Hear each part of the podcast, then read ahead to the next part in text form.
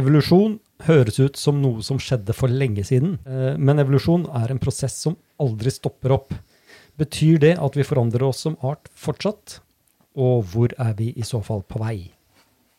Velkommen til Evolusjonsprat. Jeg heter Jens Andreas Huseby og er atferdsbiolog. Med meg har jeg Håvard Hegdal, arkeolog. Tomate Naustad, atferdsbiolog. Kyrre Vatne, master i evolusjonspsykologi.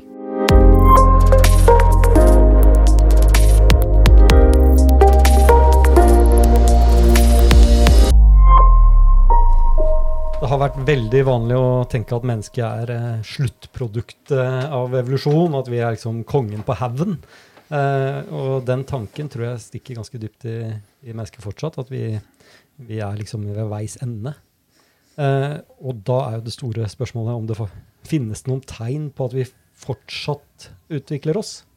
Hva vet vi om det, Kyrre?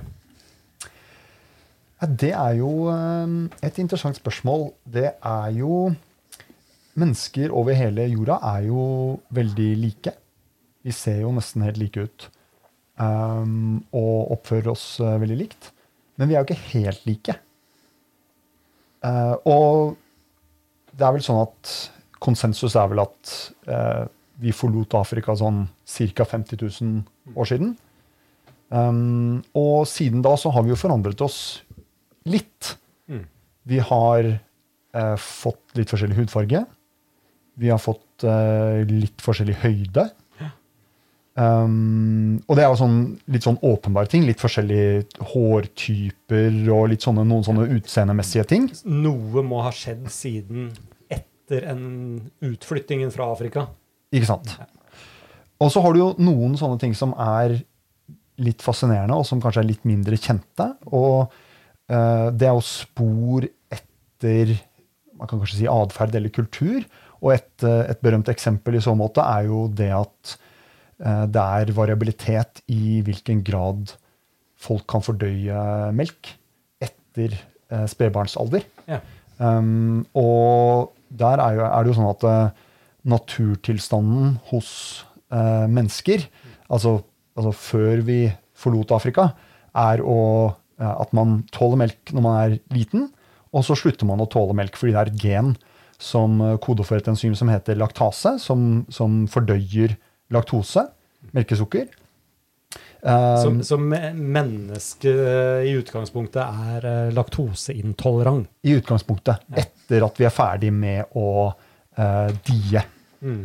Um, og, uh, og, så det jo og så er det jo det som tilsynelatende har skjedd, er at de som er etterkommere etter folk som har drevet med kvegdrift, de er eh, i mye større grad laktosetolerante også etter at de blir voksne.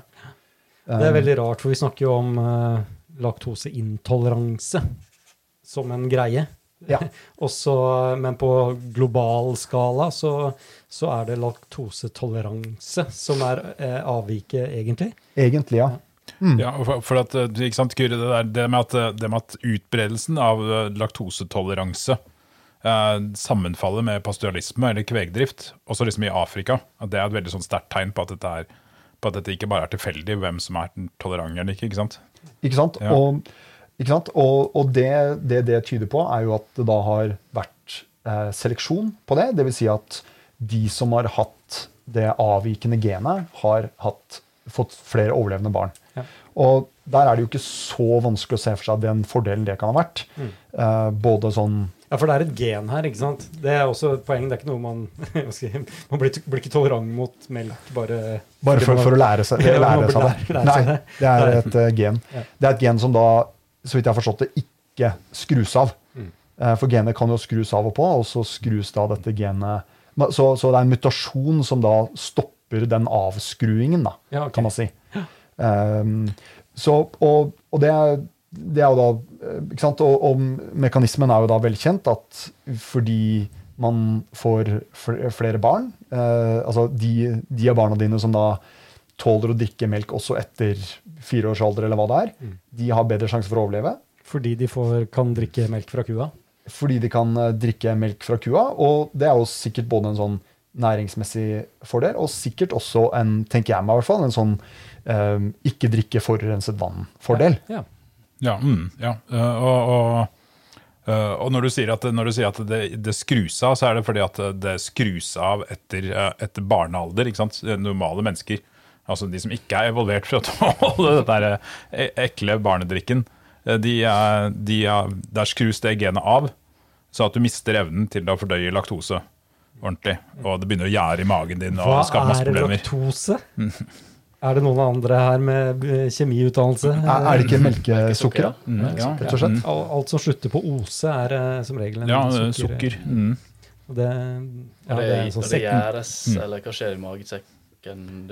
Ja, nei, det, det, jeg husker ikke, men det skaper i hvert fall masse problemer. Får, og, og, øh, og, de og, Mens andre steder ser du at du har en kulturell adopsjon da, til, til, å fordøye laktose ved at du lager produkter, melkeprodukter, yoghurt og sånt, noe som har veldig lite laktoseinnhold. Ja. Hvor du bruker bakterier for å bryte ned laktosen. Ja. Så det er å bryte opp dette molekylet, fordi ellers ja. så får du mm. fordøyd det, og så får du magetrøbbel. Også. Ja, ikke sant. Mm. Og det er jo litt interessant også, for det, det, det finnes jo to varianter av, av, denne, av genet. Altså, ikke sant? Alle har jo to kopier av hvert, av hvert gen. Du har en kopi fra moren og en fra faren. Og og det er to forskjellige alleler, som heter, altså to genvarianter av eh, LCT-laktasegenet. Mm -hmm. uh, og den ene uh, og den som, den som, gjør at du kan, kan fordøye laktose, da, den er dominant. så Det betyr at du trenger bare én kopi av den for, at, for, at, du slår ut og du kan, og du kan fordøye laktose. Interessant. Og jeg har en liten anekdote om eh, akkurat dette her. Fordi da jeg var liten, så vi, var familien min venner med en annen familie som var fra Japan. Mm. Uh, og en gang så inviterte vi dem hjem på risengrynsgrøt. Dette går Hva skjedde? Og, og, og eh, laktosetoleranse er jo betraktelig mindre utbredt, så vidt jeg har forstått, i, eh, ja, ja, ja, mm. um, og Eh, og, de, og, dette var jo noe som de syntes var veldig veldig rart å spise. Eh, de, de, spiste jo selvfølgelig mye ris, men det å spise ris kokt i kumelk, det var en veldig snodig affære. Og, og, men de var jo veldig høflige og pliktoppfyllende. Og, mange år senere så snakket jeg med datteren i den familien og besøkte i Tokyo. Um, og, og, da fortalte hun om dette her, hvor stort inntrykk det hadde gjort på henne. Og så sa hun at og det verste, eller det rareste, var det at hun hadde sett den der pakka som den risen kom i, den der grøterisen med den melka, og den het geisha. Jeg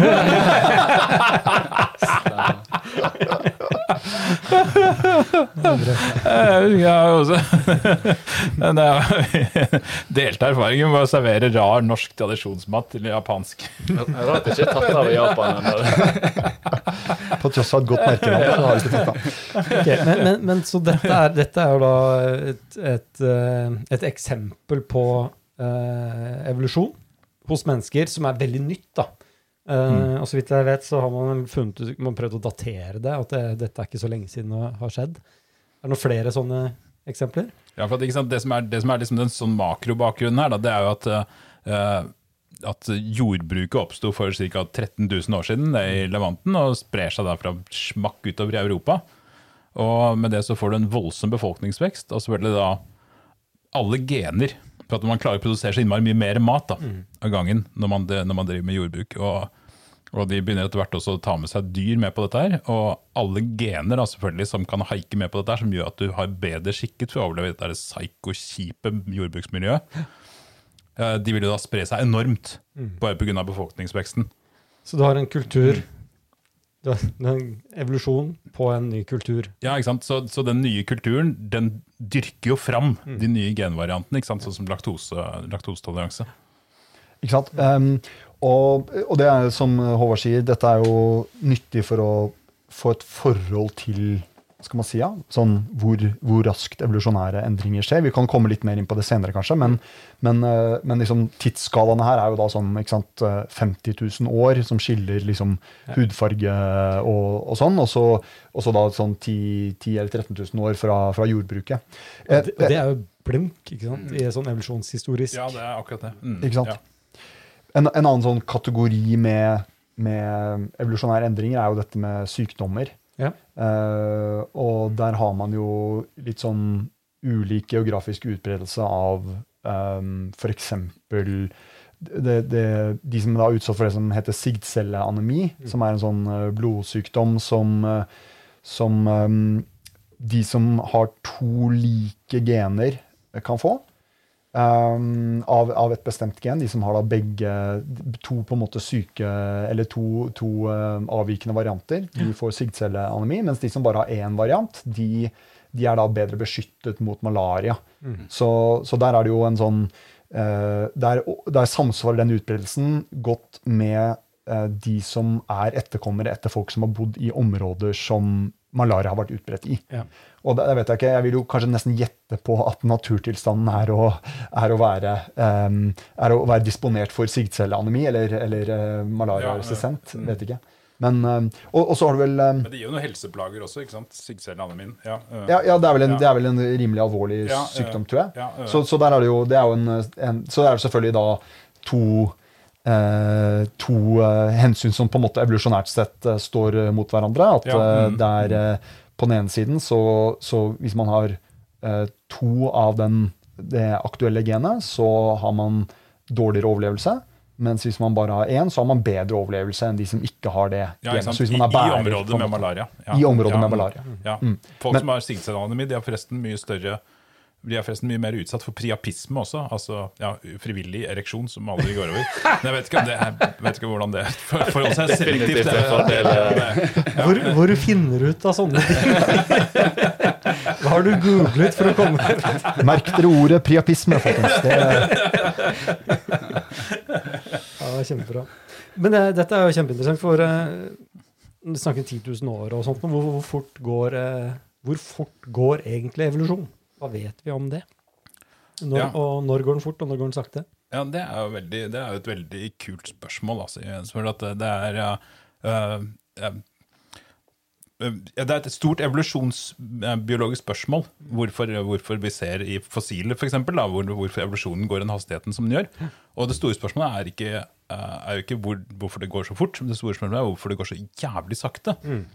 Fordi når man regner på det, så skal evolusjonen gå utrolig mye fortere, for det er en veldig enkel prosess vi snakker om her. sånn. Ja. Du har eh, en, viss, eh, en, viss, grad av variasjon, og så begynner du å fjerne den variasjonen.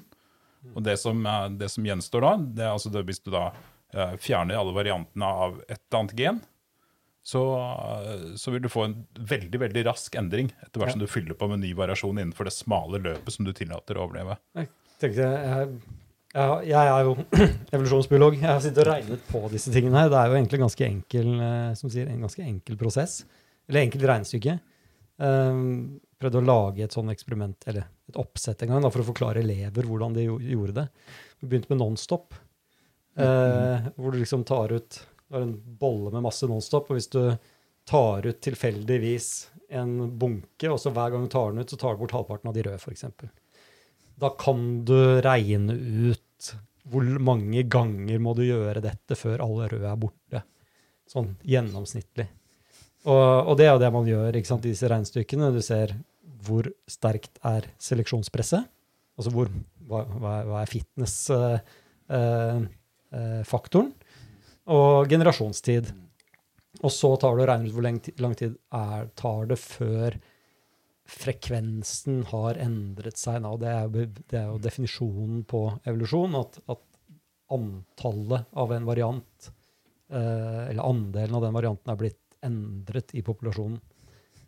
Så, så det er den enkle. Det høres ja, jo enkelt ut, og, det, og, man kan regne på det. Man kan si at så fort burde det gå hvis dette er et konstant press. da. Ja, mm. og, så er det jo veldig viktig å være klar over liksom at det er uh, evolusjon det er jo ikke bare at altså Når vi snakker om evolusjon, så er intuitivt så tenker jo folk at det er ting som blir bedre. Mm.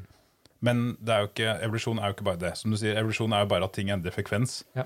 Et gen, en gentype, et allel, endrer frekvens i befolkningen. Og det kan jo også være tilfeldig. Mm. Hvis du har to gentyper, eh, og ingen av dem har noe å si for overlevelse, mm så vil det være tilfeldig hvilke av de gentypene der sånn som sprer seg fra hver generasjon til generasjon. Mm. Og la oss si at den, det koder for to forskjellige farver da, i en hypotetisk dyreart. og ingen av farvene gir noe overlevelsesfordel, så vil det være tilfeldig hvordan disse fordeler seg for hver generasjon. Og til slutt så vil det ene av genet etter bare ved tilfeldigheter over lang tid forsvinne. Ja, Så det blir som å ta denne Nonstop-eksempelet, og det er en blind mann som trekker ut, mm. og så, men tilfeldigvis så forsvinner alle de røde. Ja, ikke sant. Okay, det høres ut som et helt abstrakt eksempel, men det er jo ikke egentlig det. Fordi at hvis du da f.eks. tar en fiskeart uh, som har sikkert flere tusen gener som er involvert i utviklingen av syn, og plasserer inn i en hule. Plutselig gjelder det er de tusenvis av genene de har lenger ingenting å si for overlevelse. Mm. Og dermed så vil da ekstremt sjeldne genvarianter, uh, som, uh, eller til og med nye mutasjoner, mm. som vil ødelegge synet eller gjøre synet dårligere, vil også spre seg tilfeldig gjennom, gjennom den populasjonen. Og i løpet av ja, altså relativt kort tid, da, sånn evolusjonært sett, noen mm. tusen år, mm. så, vil, så, vil, de være blinde. Ja. Blir fisken ja, Det er det vi kaller for genetisk drift. Mm. Altså tilfeldige endringer av, uh, av noe som er irrelevant. genfrekvenser. Ja. ja. og dette er, veldig, dette er, et veldig viktig ting å, å ha i bakhuet når man snakker om hvordan mennesker evolverer eller ikke evolverer i dag. Mm. Fordi at du kan ikke egentlig stanse seleksjon. Du kan ikke egentlig nei, stanse evolusjon.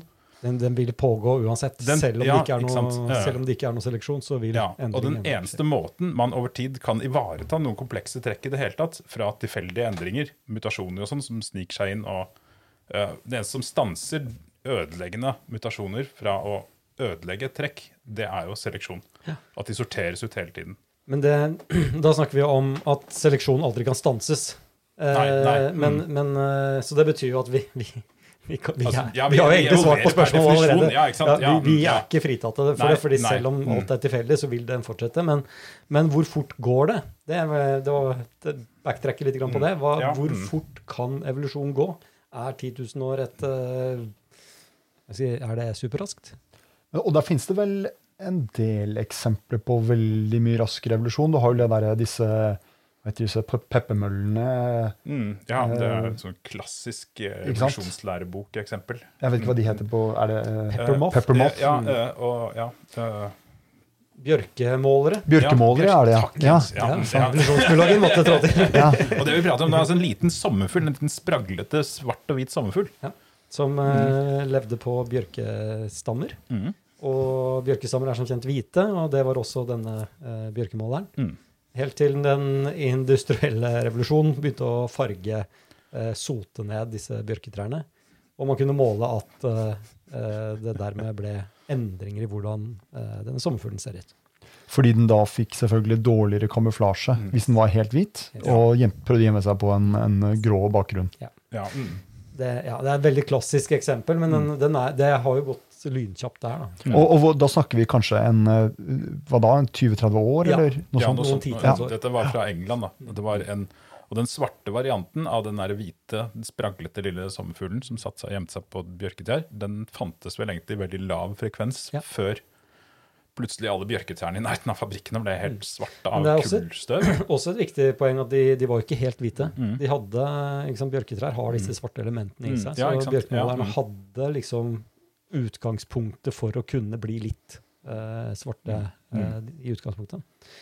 Ja, de hadde genetisk variasjon antageligvis ja, som kunne selekteres på. Ja. ja. Mm. Det er et veldig fint eksempel. Det er en grunn til at det blir brukt så mye også. fordi det er så lett å se for seg her kommer en fugl som er sulten, og så ser den denne hvite uh, bjørkemåleren på det svarte trestammen. Den tar den. Mm. Uh, mens den svarte bjørkemåleren ser den ikke. Uh, og, og, det var det omvendte før. da. Men grunnen til at det gikk så fort, var jo for at det hadde kortere generasjonstid. Yes. Så det går nok ikke mm. like fort med mennesker. Og det er et viktig poeng ikke sant? når vi snakker om at det gikk på la oss si 20-30 år. da. Mm. At vi har verifisert det, Men det er jo 20-30 generasjoner. Mm. Mm. I menneskesammenheng så Jeg vet ikke hva vi regner en generasjon som. 25 år, kanskje? Ja, det er min også mm. sånn. Fire generasjoner på 100 år. Eh, da må du jo gange de, årene, nei, de 20 årene med eh, 25, da, for å få eh, tilsvarende endring. Mm. Ja. Så, men det er jo lynkjapt. Så, og da snakker vi jo fortsatt om si, noen få hundre år, da. Mm. Ja. Mm. Kan, eh, kan, vi forandre liksom, hudfarge, for å ta det samme eksempel? Mm. Kunne vi forandret hudfarge på et par hundre år? Hvis, ja, ja, hvis seleksjonen var veldig, veldig sterk. Jo, men, altså, men, men jeg mener seleksjonen den Du kan forandre alt på, på fem minutter hvis du, er, hvis du har uh, motivasjon for det. Hvis du Altså, får, men, ja, hvis man, hvis, man, hvis uh, for eksempel da uh, man hadde skutt alle med én øyenfarve, Ja. så, så hadde du forandret Ja. Så hadde du evolvert det der sånn. Da, Ok, nå- dette er morsomt eksempel, hatt. okay. Ja, mm.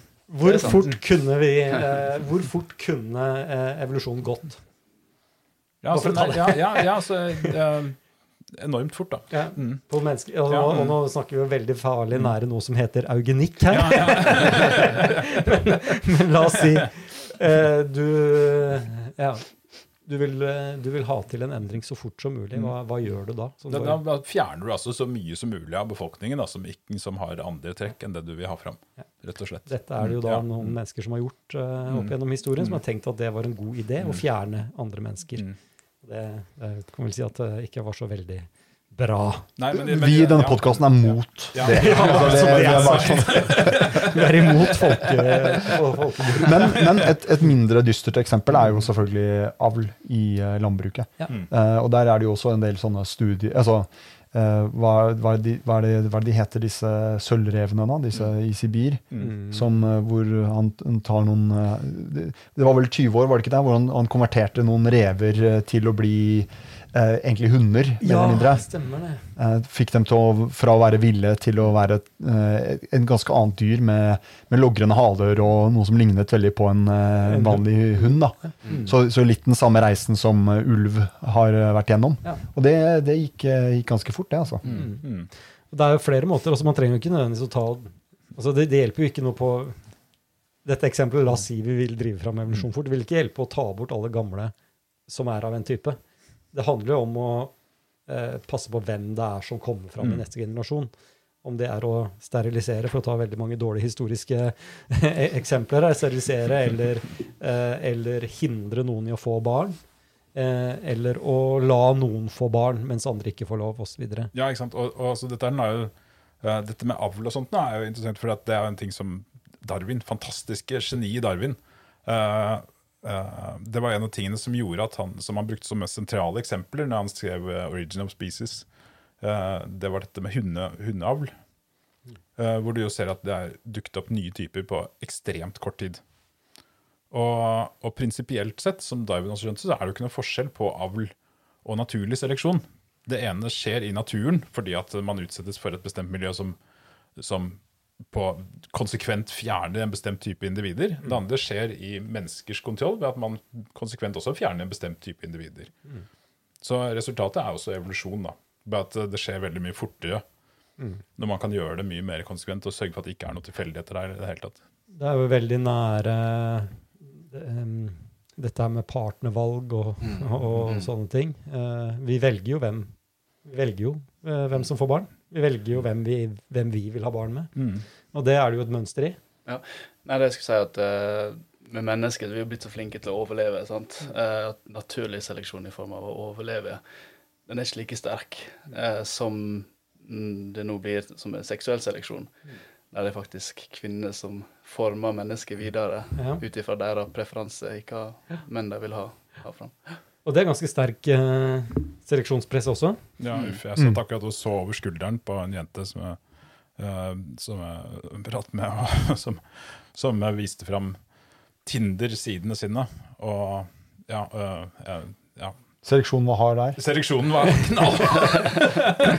Dette sorteringssamfunnet Ja, som faktisk, eh, faktisk er i effekt. Ja, og det var, var jeg, jeg, har ikke holdt på å si referansen på det, men jeg, er det ikke noe sånt som en fjerdedel av menn som ikke får barna? Jo, altså, vi har ikke kommet helt dit enda, men jeg, jeg ser for meg altså, hvis vi, hvis vi, Nå har vi konkludert med på en måte, at evolusjon kan gå veldig kjapt. Eh, bare prosessen er sterk nok, og den handler om hvor mange som får barn. Og da er spørsmålet hvilke prosesser er det som er i spill nå, som kan være så sterke. Eh, og det som har slått meg eh, ganske tydelig nå i det siste, da, hvis du leter etter noen ting som virkelig på, eh, altså virkelig store tall som sier noe om hvem som får barn eller ikke, så har du jo denne eh, de fem- 24-25 prosentene av menn i Norge som ikke får barn. Eh, finner seg ikke en partner, får ikke barn. Mm. Og det, da snakker vi om en fjerdedel. som da ikke får etterkommere. Det Bare for å sette lytteren litt inn i perspektivet, da, når vi regner på seleksjon, så regner vi på noen få prosent maks Mm. som en Mm. sterk seleksjonspress.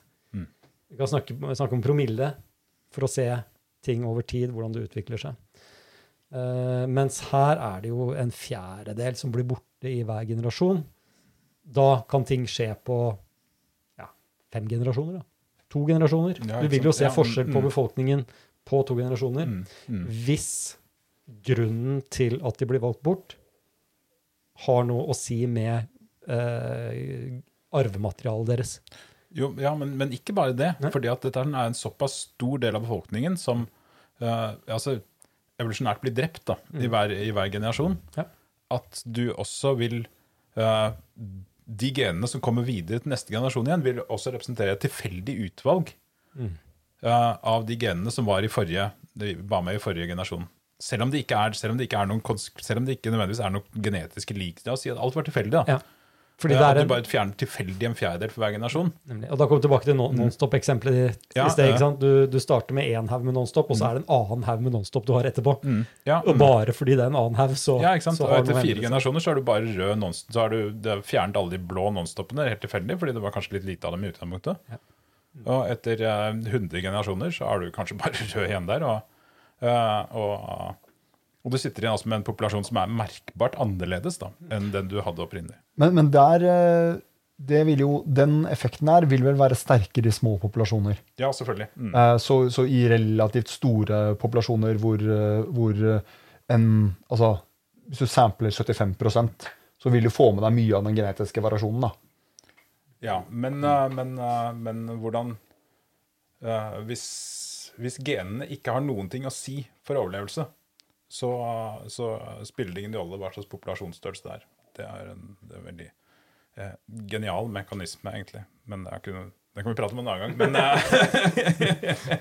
Nei, Dette er hardcore eh, det er det som gjør det mulig å datere hvor lenge, hvor lenge en genvariant har eksistert. Ja. Det er fordi at det er uavhengig av populasjonsstørrelse. Om det, hvor lang tid sånne nøytrale gener, da, hvor lang tid de bruker på å fikseres i populasjonen. Det er en formel som, hvor du plutselig kan fjerne alt utenom Ja, ikke sant? Ja, det er en eh, sånn, der, det er sånn Når du har den på evolusjonsbiologi, så sitter du bare åh. ja. Så har du bak. Men dette er jo interessant. Altså, ok, nå, nå begynner, er vi inne i spekulasjonsland. Hva tror vi? Ikke sant? Det er menn, menn blir valgt bort. Eh, er det noen trekk ved disse mennene ved, som kvinner velger bort? Hva, hva er det kvinner velger, og hva er det de velger bort? Høyde, blant annet. Høyde? ja. laktoseintoleranse Nei, jeg vet ikke. Um, Og høyde, Høyde, er jo, høyde er jo en sånn faktor som er en del av uh, altså, I hvert fall en sterk genetisk eh, komponent i. Så hvis man uh, Hvis det nå er sånn at uh, en fjerdedel av mannlige populasjonen, og da den lave mannlige populasjonen blir borte hver, eh, hver generasjon eh, da Hva vil skje med menn da? Det har jo en, sterk seleksjon som blir høyere, da. Mm.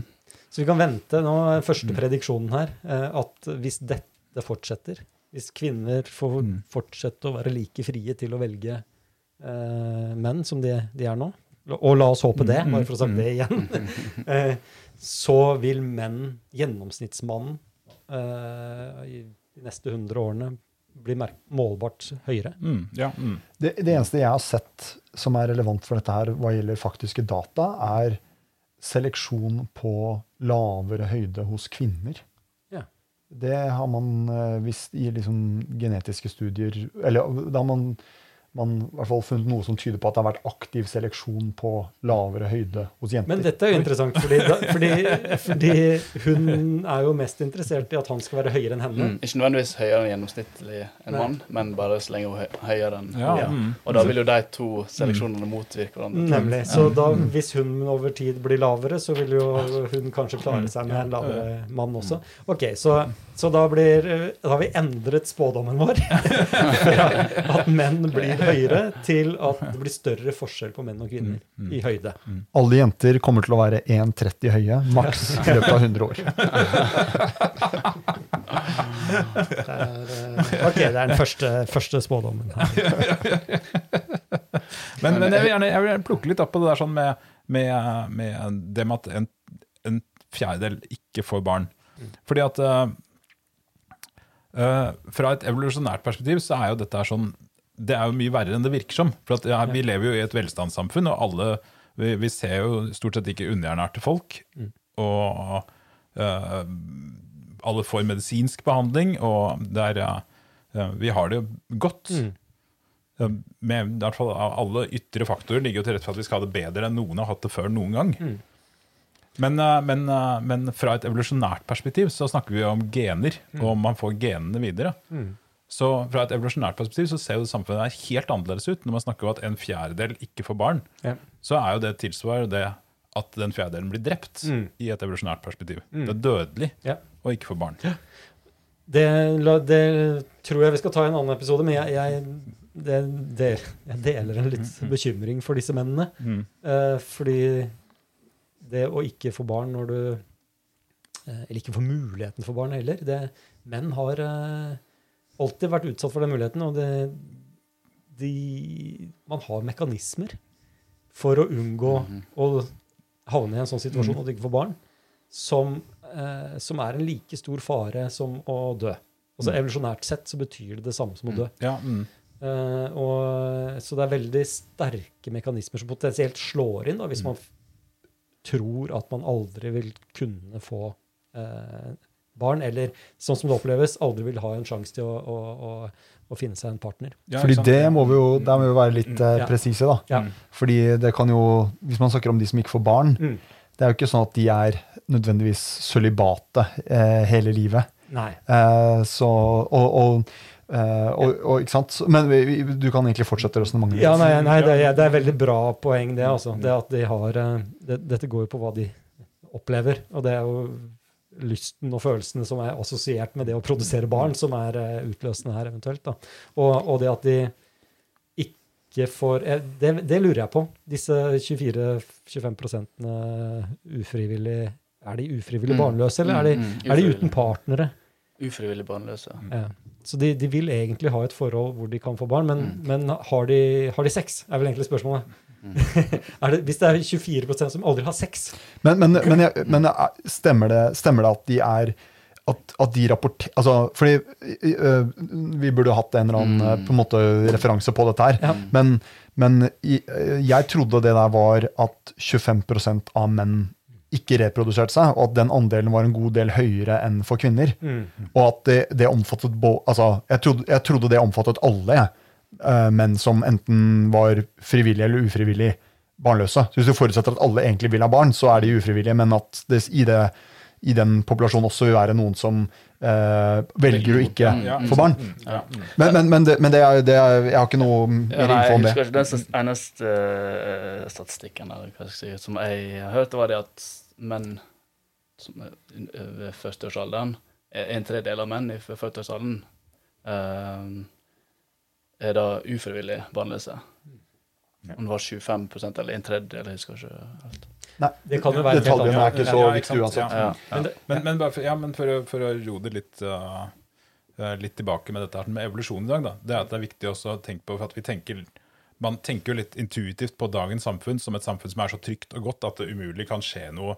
At det kan, det er jo ikke liksom, Dette er jo ikke nature red in Tooth and Claw, vi er jo ikke løver, og det er jo ikke liksom ikke det er jo ikke savannen vi lever på i det hele tatt. Men, men fra et evolusjonært perspektiv så er det snakk om hvem som ikke får, hvor mange som ikke får barn, og hvor mange, hvem som får barn. Hvem som er representert i neste generasjon, og hva slags gener de bærer med seg. Og det, det, Da ser det helt annerledes ut med en gang. Så det er jo egentlig litt kult dette sånn å tenke på Hvis man tenker, forestiller deg på en måte man kan skrelle av hele det der, hele det velferdssamfunnet vi har over, og all det eh, all velbehaget og, og eh, hedonismen og alt det gode vi har. Det gode livene vi har, da. For det er ikke det det dreier seg om. Det dreier seg egentlig bare om hvem som ikke får barn. ja. Eh, Ja, og det er veldig, veldig godt poeng, og det, det er jo på en måte også da litt sånn verdt å merke seg det der at den liksom, eh, seleksjonspresset nå er antageligvis historisk sett veldig, veldig Lavt. høyt. da. Ja, høyt, Altså, ja, ja, ja, ikke sant? Ja, mm. Men, men og en ting som jeg, som jeg syns er en Det er bare usynlig, ikke sant? Ja, mm. Det er bare usynlig. Men øhm, Og øh, når man eh, sant? Eh, når man snakker om For, at, for en ting er jo seksuell seleksjon, det har vi vært innom. ikke sant? Eh, og, og på en måte så er det ikke Det er ikke så mye man får gjort der. Sett? Noen menn blir valgt, noen blir ikke valgt, og man må bare gjøre sitt beste på et vis. Men, men så, har du jo, så har du jo det som går på eh, hvis, du, hvis du tar utgangspunkt i et moderne velferdssamfunn, da, så eh, er det jo ingenting som altså vi, vi sitter Hvor mange barn er det du har? Ja, Jens? fire. Fire, ja. Som jeg, som Og jeg. Håvard? Ja, ja, tre. Uh, Tor Martin. Null foreløpig, Foreløpig, og, og null på meg også foreløpig. Uh, men uh, det er jo ingenting som er til hinder for at du kunne hatt tolv barn, Nei. eh, Jens. Eller du 25, Håvard, egentlig. Ja, mm. Det, er ikke, det er ikke noen representanter fra velferdsstaten som kommer til å komme til deg og si vet du hva, nå, nå tror jeg vi tar og setter strek. Hvis du, hvis du klarer å få med deg på en måte, enten ved å, ved å uh, være frivillig i en sædbank, eller ved å få, få med deg nok kvinner som har lyst til å være med på det, um, en eller flere, så, så, vil, jo, så vil du jo kunne uh, ha så mange barn. Og, og det, det jeg tenker at det, vi, vi, det er nesten sånn jeg tenker at vi lager en slags sånn evolusjonær, et evolusjonært perfekt setup her. Fordi det Altså eh, det, Når vi får Kanskje finnes det en mutasjon allerede i befolkningen. Antageligvis gjør den det. Eh, men eh, det å være det å bare ville ha mange barn. Helt uavhengig av altså, Du trenger ikke å være interessert i sex engang. Ikke sløse bort tiden på sex, men bare, bare gå for reproduksjon. Gå for, ikke? Så, så det- Lysten til å lysten til å ha en stor ungeflokk. Ja. Uh, og og der, der tenker jeg at Der tror jeg vi eh, bare tenker, altså, Seksuell tenning på å gå i en CD-bank, liksom. ja, ja, ikke sant? Uh, eller, eller bare det at du, du, er, du er på en måte bare Du er, du er kjempetrigget av det der å, å ville se ti barn Ja. eh, som, som er dine. Ja.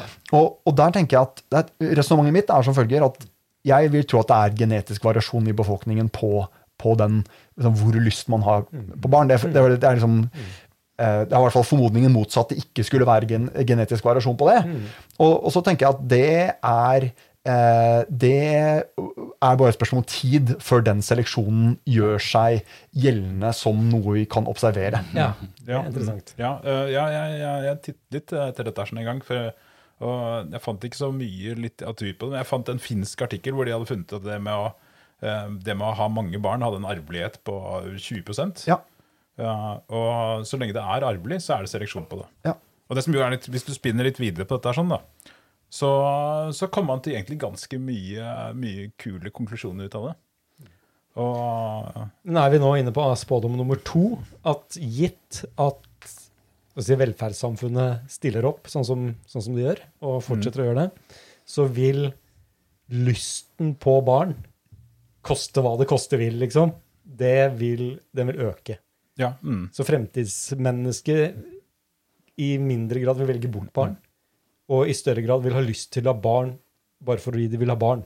Ja, og da kan, jeg, da kan jeg komme inn på skyte inn spådom nummer tre her, sånn, rett fra hofta. Og det er at i vestlige samfunn, hvor man ser populasjonen stagnere, eh, eller til og med gå ned, så vil det ta relativt kort tid før varianter som begynner å rett og slett ha lyst på å få mange barn, som, eller av forskjellige årsaker. Da. Det kan være alt mulig andre. Det kan være bare at du får mye trillinger og, og sånt noe på en gang, og ikke klarer å stanse deg for å få masse barn. Eller at du er ja, jeg vet ikke, med andre ting, men uh, Ja, Det kan være at du er veldig veldig slumsete med prevensjon. Ja, ikke sant? At du har en selektivt Ja, dårlig Ja, hukommelse ja, ja, på det. Eller har eh, penis som ødelegger uh, gummien. ja, ja, ja, Eller kjemikalier, Så høyt liksom. sædtrykk at det- Nei, men, men uh, Sprenger kondomene. Jo, men, ikke sant? men, men, men på grunn av, de, på grunn av de, de gene, den genetiske variasjonen er sånn, så vil, disse, så vil populasjonene da etter hvert begynne å stige igjen. Det er, en, det er en ganske solid evolusjonær prediksjon, fordi det er arvelig å ville ha mange barn. Den arveligheten gjør at du vil få en oppsving i populasjonen igjen over tid. Og hvis man, hvis man leser sånn fremskrivninger av verdenspopulasjon og sånn, så, så tar de aldri med de faktorene her. Aldri. Eh, aldri. Nei, det det skal bare er- stabilisere seg. Det skal bare stabilisere seg og, og gå liksom etter hvert nedover, eh, eventuelt. Og, og, det, jeg så, det er faktisk et paper som kom ut hvor de hadde forsøkt å Det var, det var noen evolusjonsorienterte forskere som hadde forsøkt å modellere dette som en faktor. Ja, å, Så det er- noen Ja, som har begynt å tenke på det. det. Ja, nei, Nei, mm. mm. Men, men det, er, det er generelt en sånn derre Ja, nei, slapp av, folkens. Ikke noe bekymring her. Men, men, og, og det er jo også bare litt det der med populasjonsstørrelse. fordi hvis jeg husker um, evolusjonsbiologien riktig fra universitetet, så er det vel også noe med at uh, i store populasjoner så kan jo gener med relativt små fordeler også spre seg veldig raskt. Mm. Så du, har- i en, i en, på en måte med, med 10 milliarder individer, så vil jo disse genene på en måte eh, selekteres frem. Ja, Og, og, mm. eh, så, så jeg tenker liksom at vi har et vi har et ganske godt utgangspunkt for å dyrke frem de der Ja, ja, barne, barnekjærlighetsgenene. Men en, en annen ting, da. Det er jo at eh, et, et, sånt, et sånt barnekjærlighetsgen da, som du kommer opp med, Kyrre, det vil jo da typisk gitt seg utslag for at en, en dame istedenfor å begynne å kaste seg på utdannelsen, utdannelse, og sånn der, så vil hun kanskje være Unnskyld, nå må jeg bryte. Ja, ja, ja, jeg bare må, det er bare noe som dukker opp i hodet. For når vi, vi har spådd at man vil ha Man kommer til å ha lyst på flere barn. Mm. Og så kalte vi det barnekjærlighet, og det var da trigga noe. ja, ja. Det er jo ikke sånn at man nødvendigvis vil ha lyst til å passe på de barna man har. Det er, ikke, det, Nei, nei, nei. Det er heller det et motsatte. Ja, ja. det er, du har lyst til å lage barn, Mm. men kanskje det Og det er sterkere enn lysten til å ta vare på de barna du allerede har. Fordi Ja, det trenger, Det ja for at vi lever også i et samfunn hvor du ikke trenger å ta vare på barna dine selv. for at de overlever. Ja, det er et godt poeng. Et kjipt og godt poeng. Altså, godt, godt Kjipe ja. og gode poenger, ja, der har du meg. Veldig, veldig godt poeng. Så, så det er egentlig et seleksjon for et, eh, et, eh, det å lage mange barn, og så få barnevernet til å gripe inn og overta omsorgen. Godt forhold til barnevernet. Men, men, og, og det er jo på, på en måte ekstremvarianten av det er jo liksom eh, sædbank. Men, eh, men eh, jo, Nå, nå avbrøt vi Håvard. Ja, Ja, ja, jo, nei, det jeg skulle si, det var egentlig litt i kontinuiteten Der. Sånn, for at uh, hvis du da setter i gang og får mange barn, og du har, liksom, du har fått deg tre barn når du er 20, så, så vil jo det også da Det vil jo hekte med seg en del andre En del kulturelle ting, da. Uh, vil jeg anta. Og, uh, og de, de kulturelle trekkene som dette er som tar med seg, vil jo også spres, for at kulturell trekk er jo også arvelig, både genetisk og, og ved læring. Så, eh, så dette vil jo også, den evolusjonen der sånn, vil jo også endre samfunnet. Ja. Den vil endre rett og slett, eh, den vil endre kulturen i samfunnet, uten at vi har mulighet til å gjøre noe med det i det hele tatt. Interessant. Ok. Ja, og, mm. og, og så, hvis jeg bare får lov å hoppe inn med en, en litt sånn eh, forsøk på å dra det litt eh, ned på jorda på et vis. fordi jeg, jeg bare tenker sånn eh, de, flest, de fleste som hører på dette, vil jo kanskje tenke sånn Ja, men, hm, men det er vel naturlig å være glad i barna sine. Eh, og, og der er det jo viktig å tenke på at jo, vi er glad i barna våre, men evolusjon fungerer jo indirekte. Eh, så, så evolusjon har på en måte ikke tatt høyde for at at vi har prevensjon, f.eks. Så det har, ikke, det, har, det har vært til stede for kort til at eh, det er noe evolusjonen har tatt høyde for. Ergo så er vi egentlig vi, altså Alle er jo glad i barna sine, men som vi ser, så er ikke den der barnekjærligheten er ikke sterk nok til at folk velger å få mer enn I vestlige samfunn så er det jo to eller færre, vanligvis, da, med unntak altså present company excluded. Men, ehm, men den, er ikke, den er ikke sterk nok eh, til at det alene eh, vil drive fram en stor ungeflokk. Men det vi, der vi har veldig sterk drift, er jo på, på seksual eh, interesse for sex. ikke sant? Og, eh, og, og den er jo da satt ut av spill av prevensjon. Og, og det vi nå ser, er jo et lag da, mellom, mellom det at, at vi er at, at sex ikke lenger er fra, Sett fra evolusjonens ståsted, så er ikke sex egentlig så spennende lenger. Nei. Fordi man har mistet den garantien at sex alltid, eh, eller iallfall med en helt klar statistisk regularitet, medfører barn. Så vi har brutt den der linken der. Og da, da betyr det at ikke at evolusjon stopper opp, men flytter seg over til andre ting. Ja. Og da er, Som fører til samme resultatet, som er mange barn. som fører til samme resultatet. ikke sant? Og, og, det, og det som også jeg syns gjør det der med seleksjon på barnekjærlighet Høres jo ikke helt så veldig bra ut, da, men altså interesse for å få mange barn. Eh, eh, det gjør den også sånn evolusjonært veldig sterk, er jo at dette er jo ikke noe I motsetning da, til seksuell seleksjon, hvor du, hvor du, må, måte, du må imponere kvinner. Mm. Det er ikke så lett å få gjort noe med det. Det er en slags sånn våpenkappløp. Mm. Eller f.eks. det der at du, må, du skal få bedre overlevelsesseleksjon. ikke sant? Eh, eh, det er jo bare for antilopen å løpe fortere. Mm. Men det er ikke enkelt, fordi løven løper eh, også veldig veldig fort og evolverer samtidig. Så det er ikke så lett å løse sånn evolusjonært.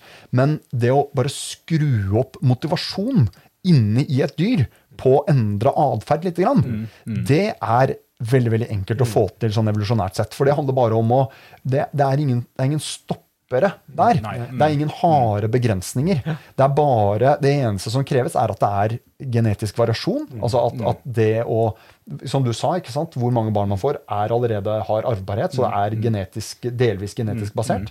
Um, og så kan man, kan man, bare skru opp de uh, indre følelsene man har relatert til barn. Mm. Um, og, og, derfor så, så, tenker jeg at dette er satt opp som en sånn veldig veldig enkel evolusjonær problemstilling å løse mm. for, for, evolusjonen. Da. Ja, ikke sant? Ja, det er liksom, liksom et dyr driver i land på en, på en, øy, og der er det ti millioner biller okay, som smaker avskyelig i løpet av tre generasjoner så spiser alle de dyrene de billene. Og elsker de billene. Ja, elsker biller, ja.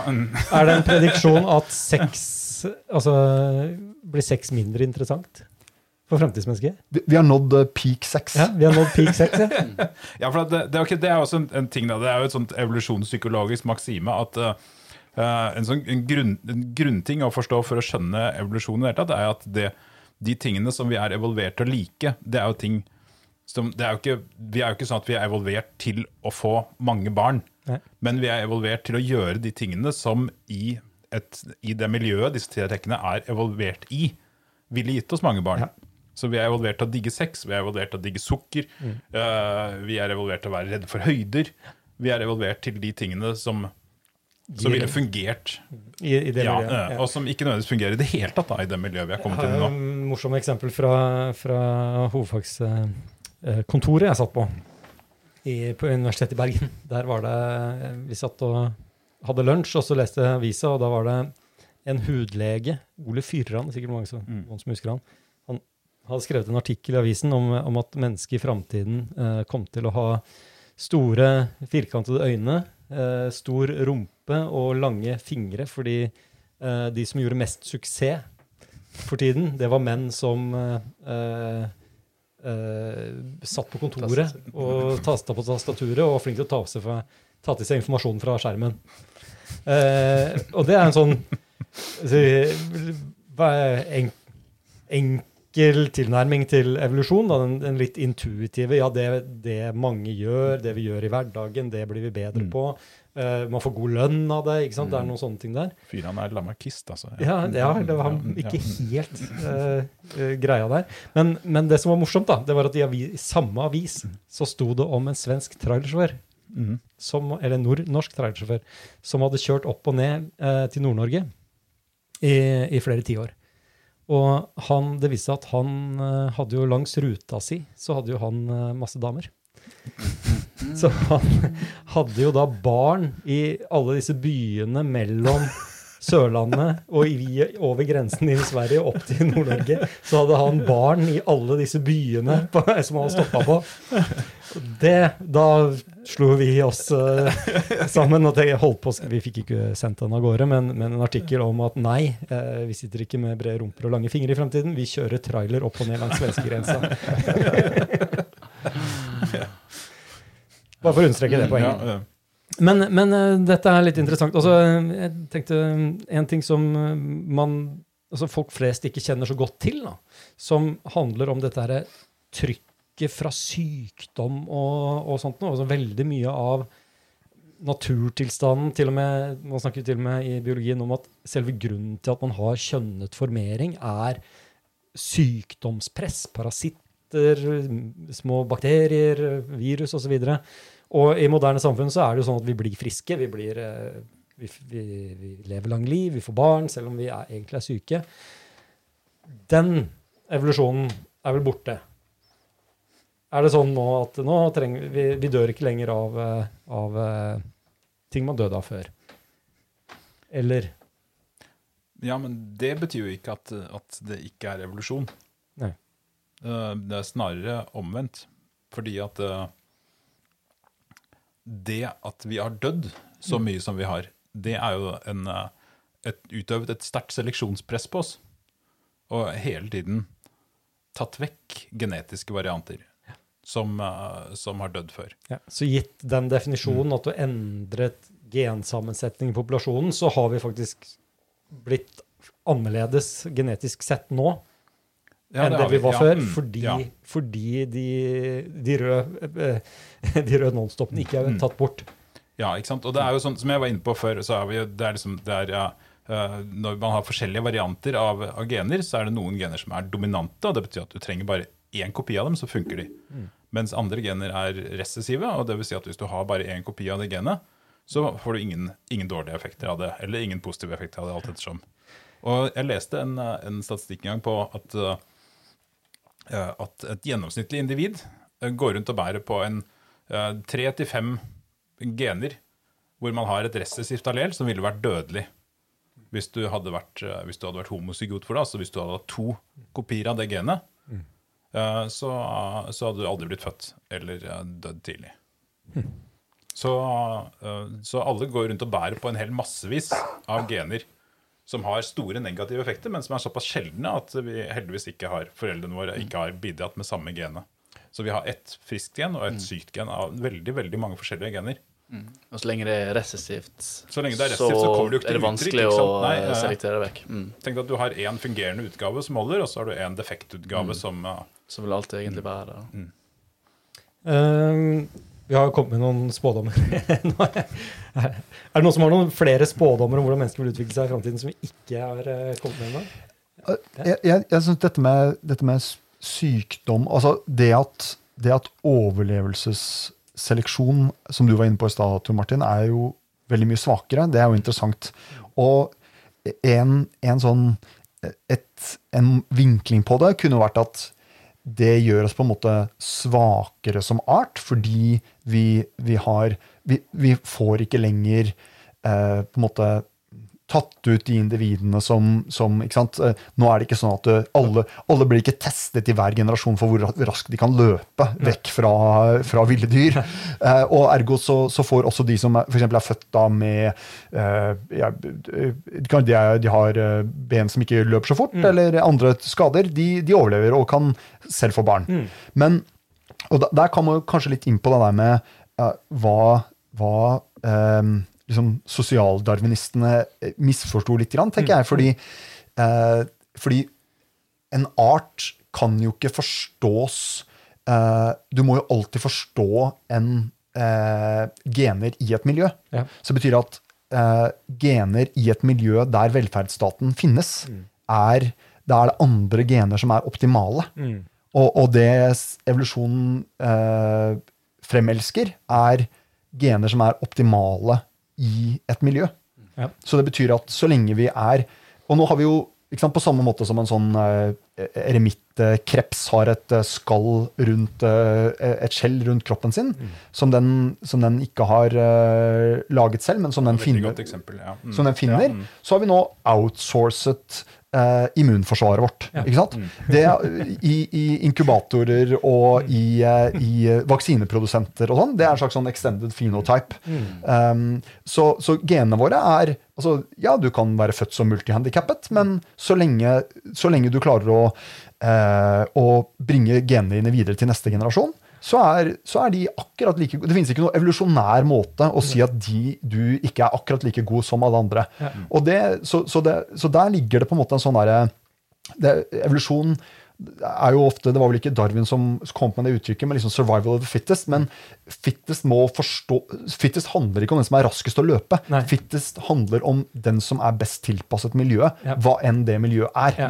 Og nå er miljøet moderne medisin. Ja. Ja, mm, mm. ja for det, ikke sant, det, det med, det med eremittkreps det er jo et jævlig godt eksempel. Vi er jo litt eremittkrepser selv. da. For å se for eksempel når, eh, når eh, mennesker utvandret fra Afrika, så er vi, jo, vi er jo egentlig hårløse.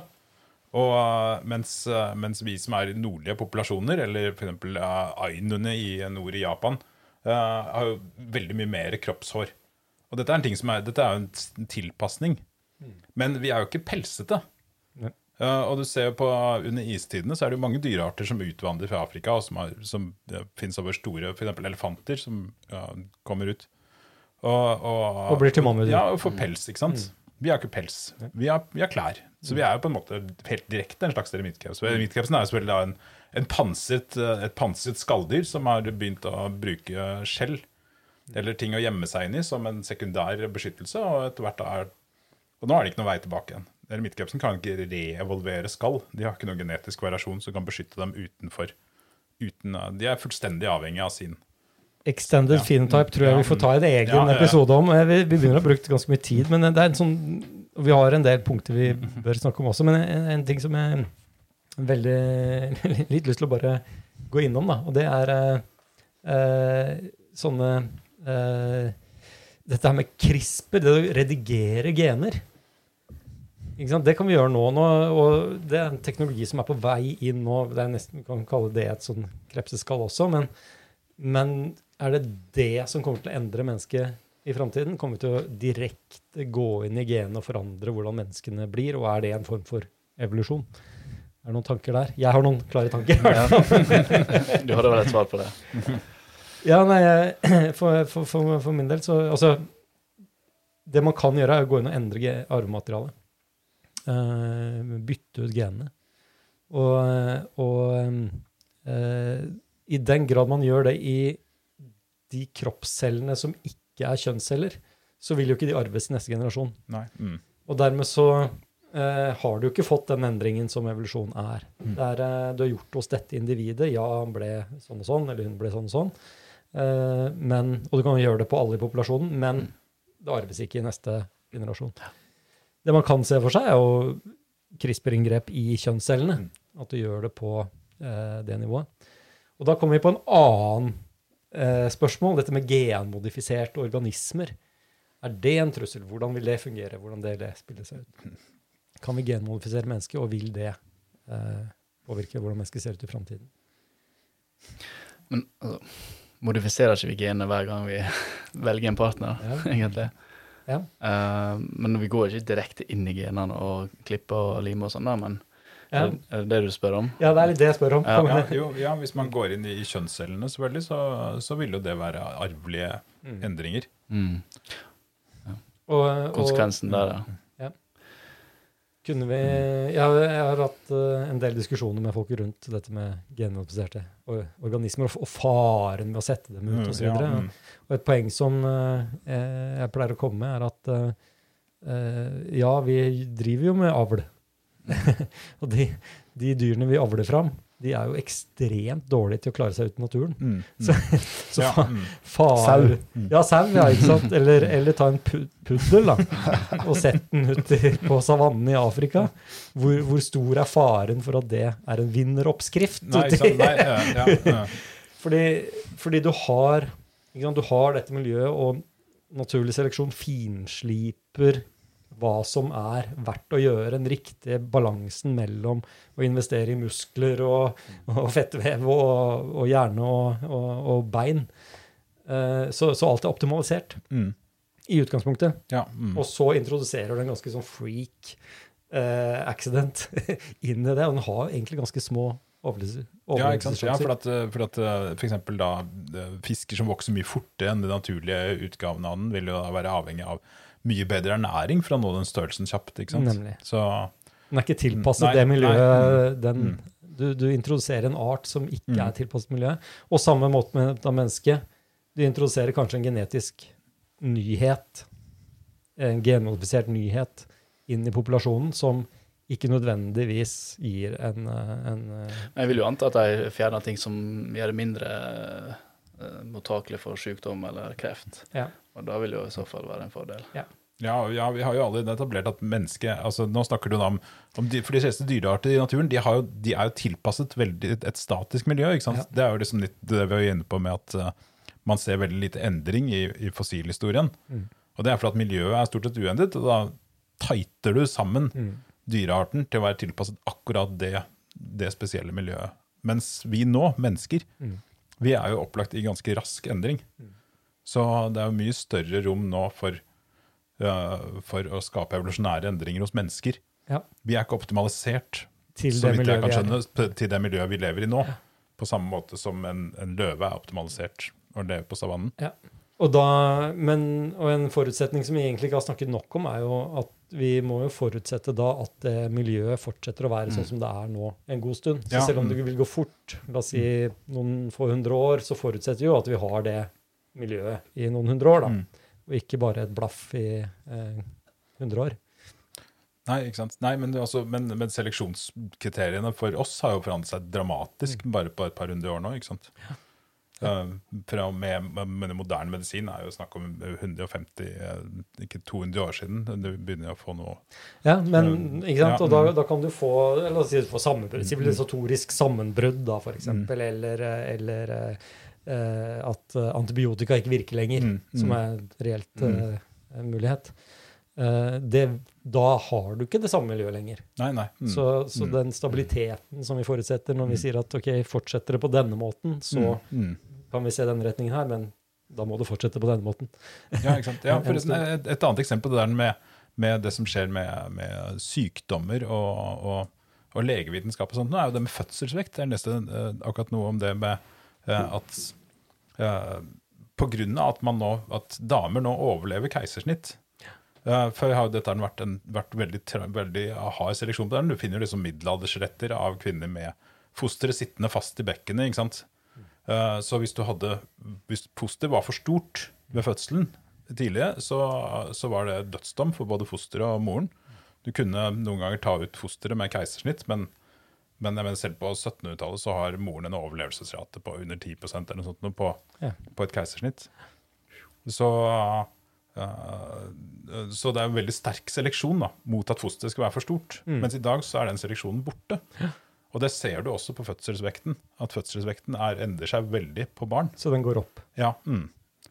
Så vi er på vei da mot en fremtidsscenario. Der kommer en ny prediksjon. I fremtiden så vil alle barn tas med keisersnitt. Ja, fordi Bare- kvinner ja. ikke er i stand til å føde dem. Ja, mm. Eh. fordi eh, når du først åpner eh, når du, når, noen, når du først lenger, Når du ikke lenger har den stabiliserende seleksjonen på fødselsvekt, så, uh, så vil det jo sett bare være en fordel å være større. Eller så vil i hvert fall tilfeldige endringer føre til at du får større og større barn. Ja, men altså, man kan jo si at uh, um, Man kan jo si at uh, ja, har du mindre barn, så kan du jo føde flere av dem. Eh, så, så det spørs kanskje litt hvor langt, langt man ser frem, da. Men eh, vi har jo snakket litt om sånn eh, R og K-seleksjon tidligere. Men, men, og, og, og, og, og det at det er en, en Det må jo være en reproduktiv fordel å være stor, da. Mm. Men det er jo det, for at vi føder jo egentlig ut foster. Vi er ikke ferdig utvikla. Men grunnen til at vi må få dem ut, er jo fordi at hodet tar så masse plass. Og det er den der, som sa Håvard, med at eh, det er motsatt seleksjon mot at eh, det kan være livsfarlig for både barnet og mora. Og så så fordelen er der at du vil være med lengst mulig eh, for å bli størst mulig. Så jeg vil nå tro det at en produksjon er at hvis du åpner for keisersnitt, så kan fosteret få utvikle seg ferdig. Eh, til som andre dyr, så kan, så kan du rett etter, begynne, etter rett etter du er født, så kan du klatre og løpe nesten med en gang. Um, så Gå på skolen, gjøre ja. Du kan jo snakke med en gang du er født, kanskje. Ja. Ja. Men, det, men det er klart, eh, man kan jo se for seg at eh, Du kan si at stor fødselsvekt er jo et nesten sånn universell fordel på en måte, fordi at det, det blir et sterkt individ som klarer seg, som kan kjempe mot andre. Men hvis all den overlevelsesseleksjonen er borte, så er vi litt sånn nytt landskap sånn eh, evolusjonsmessig. For det er sånn Ja, da kan det hende at eh, ja, ja, puberteten kommer bare tidligere og tidligere. Den burde egentlig komme, inntreffe rett etter Fødsel. fødsel. Og du blir egentlig så, så, ikke sant, så Det er et litt sånn uvant landskap Ja. sånn uh, evolusjonsteoretisk, men uh, Det er vanskelig å predikere. Altså. ja, ja, ja, ja men, men du kan jo også si det er i hvert fall, selv om det ikke er noe overlevelsesfordel da, på et stort foster, så vil jo da større og større variasjon overleve. Så Du vil få større og større variasjon både i lengde på graviditet og i fødselsvekt på fosterne. Og til slutt så kan du da ende opp med at det rent tilfeldig eh, ender opp med at Også selvfølgelig da, også bredde på hofter på kvinner. Og hvis damer da selekteres for å bli mindre og mindre, så, så kan det jo fort ende opp i en situasjon hvor bare tilfeldige endringer fører til at det er umulig å føde naturlig lenger. En strøtanke. Hva om kvinner begynte å føde barn uten seksuell eh, reproduksjon. Altså de Klonalt. bare klonalt får barn uten å ha vært eh, sammen med en mann. Eh, som samfunn så ville jo ikke det vært noe problem. Altså, hvis fordelen med å få barn med en mann er eh, genetisk variasjon hos eh, avkommet pga. bl.a. motstandsdyktighet mot sykdom, da, og den faktoren er borte, kanskje, kanskje vi får oppleve det. Og, og det er jo mulig, fordi vi kan jo gjøre det i laben. Så det er jo bare kulturelle hensyn som står mot det eh, at, at det faktisk foregår allerede. Så en, en drive, en skift fra seksuell drive mot å bli sammen med en mann, til eh, å virkelig like labber. Labber? Og, og, og apropos CRISPR, fordi det, det er jo en sånn hvis man, Nå er jo dette forhåpentligvis et stykke frem, da, men, eh, men sant, tenk deg, altså, I moderne tid så har man jo ettbarnspolitikken i Kina. Um, nå har jeg, så, så vidt jeg skjønner, så har Kina begynt å og det, det er jo sluppet opp på, men, men de, også, de virker som de er veldig opptatt av at spesielt studenter og akademikere og sånn skal få barn. Så de har liksom litt andre kulturelle normer rundt sånne ting. Men eh, det er jo et interessant spørsmål når kommer? La oss vi går tilbake til den mutasjonen vi snakket om tidligere, da, med, med ekstra barnekjærlighet. Mm.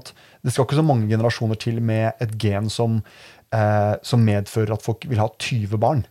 Eh, før dette blir et politisk problem.